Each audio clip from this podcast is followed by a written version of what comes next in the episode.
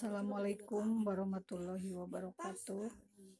Nah, cukup segitu ya. Nanti kita belajar Kuma lagi. hidup Dinten. Ayeuna sarehat sadayana. Alhamdulillah, Oke. mudah-mudahan urang tiasa ya, aya dina lindungan Allah eh, Subhanahu wa taala. Pak Angga punten. Silakan Pak, Pak Edi. Kalau sudah begini sudah jadi nih, saya ingin